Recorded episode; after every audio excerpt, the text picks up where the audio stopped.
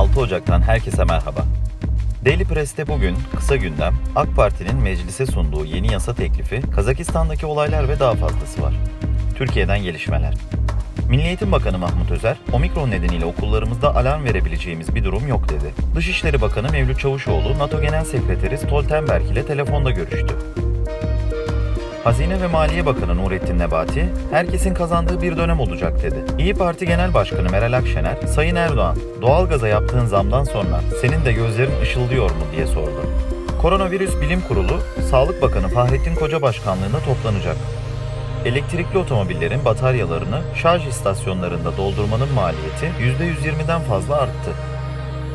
Tesla Model 3 gibi modellerde şarj maliyeti ortalama %127 artış gösterdi. Cumhurbaşkanı Recep Tayyip Erdoğan sokaklara döküleceklermiş. Ya siz 15 Temmuz'u görmediniz mi? Cumhur İttifakı sizi gideceğiniz yere kadar süpürecektir dedi. CHP Genel Başkanı Kemal Kılıçdaroğlu, Cumhurbaşkanı Erdoğan'a ey saraydaki şahıs, oy oranlarını gördükçe dilinin söylediğini kulakların duymaz oldu. Bugün resmen iç savaş naraları atmaya başladın. Bu millet bunları yemez dedi.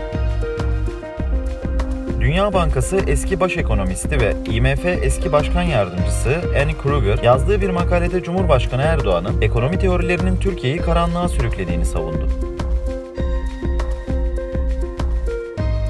Kruger makalesinde Türkiye'de fiyat artışları ile reel gelirler eriyor. Asgari ücrete yapılan %50'lik zam enflasyon ateşine daha fazla benzin dökmek anlamına geliyor dedi. AK Parti'nin meclise sunduğu yeni yasa teklifiyle Hazine ve Maliye Bakanlığı'nın kur korumalı lira vadeli mevduat uygulamasında hazinenin kaynağının aktarılması kapsamında ödenecek destek tutarlarından yararlanacak kişilerin kapsamında yeni hesap açma tarihini Aralık 2023'e uzatmaya kadar bir dizi yetki Cumhurbaşkanı Erdoğan'a verildi. Yeni ekonomi paketi teklifiyle Cumhurbaşkanı Recep Tayyip Erdoğan'a kamuya iş yapan müteahhitlere maliyet artışları nedeniyle fiyat farkı kararnamesi çıkarılması için yetki de veriliyor. Dünyadan gelişmeler. Kazakistan'da yakıt fiyatlarına zam yapılması sebebiyle başlayan protestolar bugün de devam etti. Cumhurbaşkanı Kasım Cömert Tokayev hükümeti görevden aldı ve ülkenin en büyük şehri Almatı ile petrol zengini Mangistau bölgesinde iki hafta olağanüstü hal ilan etti.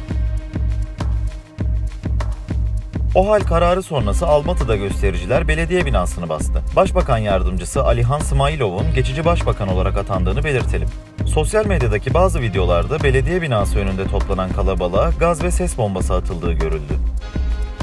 Polis yakıt fiyatlarındaki artışı protesto edenlere karşı Almatı'da dün gece geç saatlerde göz yaşartıcı gaz kullanmış, 200'den fazla kişinin de gözaltına alındığı açıklanmıştı. ABD'de başkent polisi ve İç Güvenlik Bakanlığı yarın 6 Ocak'ta gerçekleşen ayaklanmanın yıl dönümü olması sebebiyle Washington'da sıkı önlemler alıyor. ABD'de başkent polisi ve İç Güvenlik Bakanlığı bugün gerçekleşen ayaklanmanın yıl dönümü olması sebebiyle Washington'da sıkı önlemler alıyor.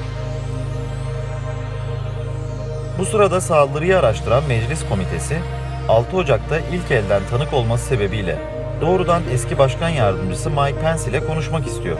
Eski başkan Donald Trump, isyancılar tarafından saldırıya uğrayan kolluk kuvvetleri tarafından dava edildi.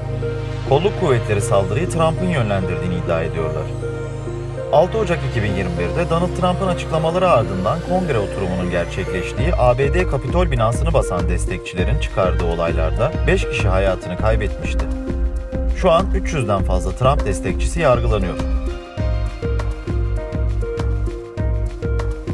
Paraguay'da Cumhurbaşkanlığı sarayını korumakla görevli ekipteki bir asker geyik saldırısı sonucunda hayatını kaybetti. Ordudan yapılan açıklamada Cumhurbaşkanı'nın başkent Asunción'daki sarayında görev yapan Çavuş Viktor Isasi'nin geyiğin boynuzlarıyla göğsünde açtığı yaralar sonucu öldüğü belirtildi. Isasi'nin askeri hastaneye kaldırıldığı ancak kurtarılamadığı bilgisi paylaşıldı. OPEC artı ülkeleri günlük 400 bin varillik kademeli üretim artış planına Şubat ayında da devam etme kararı aldı. 18 Temmuz 2021'de düzenlenen 19. OPEC artı bakanlar toplantısında alınan günlük petrol üretiminin kademeli artırılmasına ilişkin karara bağlı kalınarak Şubat ayı içinde günlük 400 bin varil üretim artışına gitme kararı alındığı ifade edildi. Novus'la gelişmeleri dinlediniz. Bizlere morningatnovus.press adresi üzerinden ulaşabilirsiniz. Hoşçakalın.